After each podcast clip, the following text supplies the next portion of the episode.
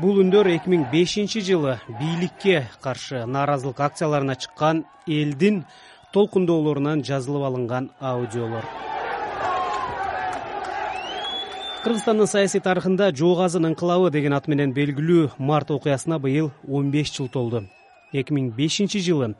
жыйырма төртүнчү мартта нааразычылыгын билдирип чыккан миңдеген адамдардын күчү менен бийлик алмашып он беш жыл бою мамлекеттин башында турган аскар акаевдин режими кулатылган эле. Толкундоолор марттын башында жалал абадтан башталып өлкөнүн булуң бурчуна жайылган жана акаев мамлекеттен качып орусиядан башпаанек алган бийликке оппозициячыл кыймылдын башчысы курманбек бакиев келип эки миң онунчу жылдын жетинчи апрелиндеги ыңкылаптан кийин ал деле өлкөдөн чыгып кетүүгө мажбур болгон. Биз алдыда март окуяларынын катышуучусу турсунбек акун менен маектешебиз. Бул март ыңкылабы жөн эле ыңкылап эмес бул бүткүл кыргызстан боюнча дүйнөнүн баягы кыргызстан боюнча бүткүл чөлкөмдөн көтөрүлгөн ыңкылап анткени эки миң экинчи жылкы акс окуясы болбогондо бул мындай ыңкылап болмок эмес. Ошо акс окуясында деле отуз жети миң киши катышты.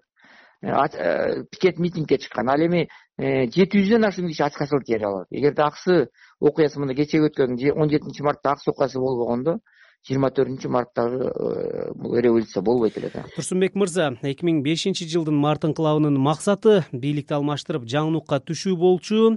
Мына арадан он беш жыл өттү ортодо бир жолу нааразылык менен эки жолу шайлоо менен президент алмашты. Өлкө жаңынукка түшө алдыбы? Максаттар канчалык ишке ашты? Эми ашкан жактары болду. Анткени э, эки миң бештен баштап канча жанагындай окуялар болуп кеткен күндө дагы эл э, мурдагыдай э, бийликтегилер мурдагыдай тайраңдап кетти деп айта албайм да.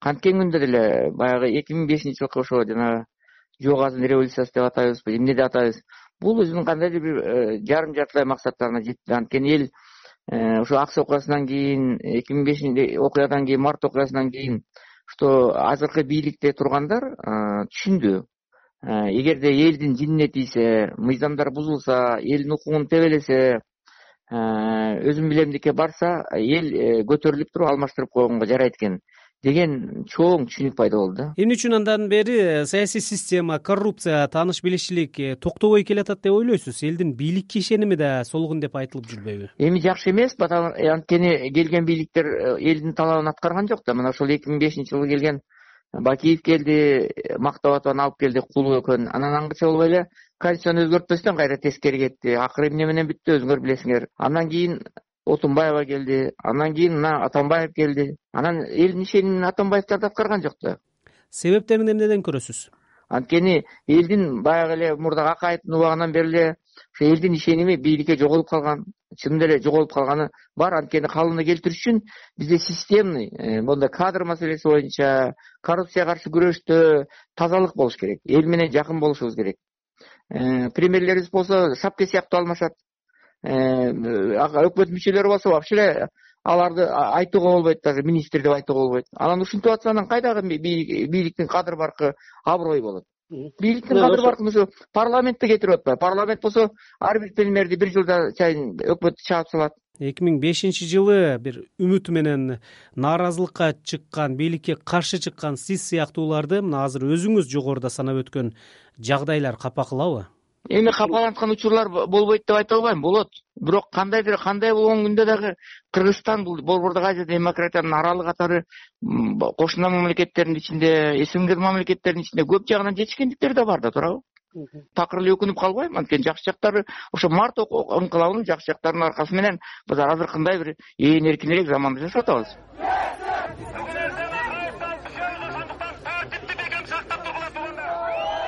бул азаттык радиосу э, эки миң бешинчи жылдагы март окуяларын эскерип э, турсунбек акун менен маектешип атабыз.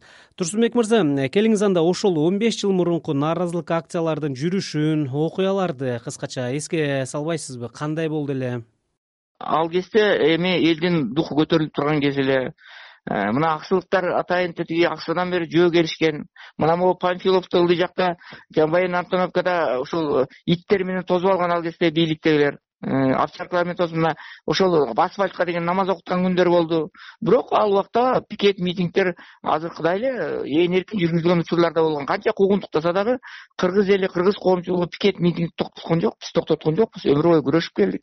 Камалдык сабалдык уурдалдык ошого карабай биз өзүбүздүн эркиндигибизди колубуздан чыгарган жокпуз. Азыр болуп аткандай эле ал кезде да болуп аткан ал кезде көбүрөөк болчу.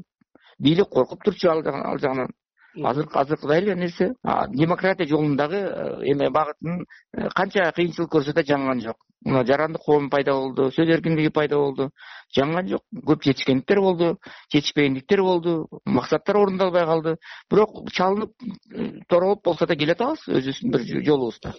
Март окуясынын арты менен келген бийликке да нааразылык күчөп эки миң онунчу жылы апрель окуялары болду акаевден кийин бийликке келген курманбек бакиев да кулатылып беларуска качты жетинчи апрель окуясынан соң жыйырма төртүнчү марттын орду мааниси төмөндөп кеткен жокпу? Вот ушуну туура айтасыз мына санжар ушуну ушуну ушуну туура.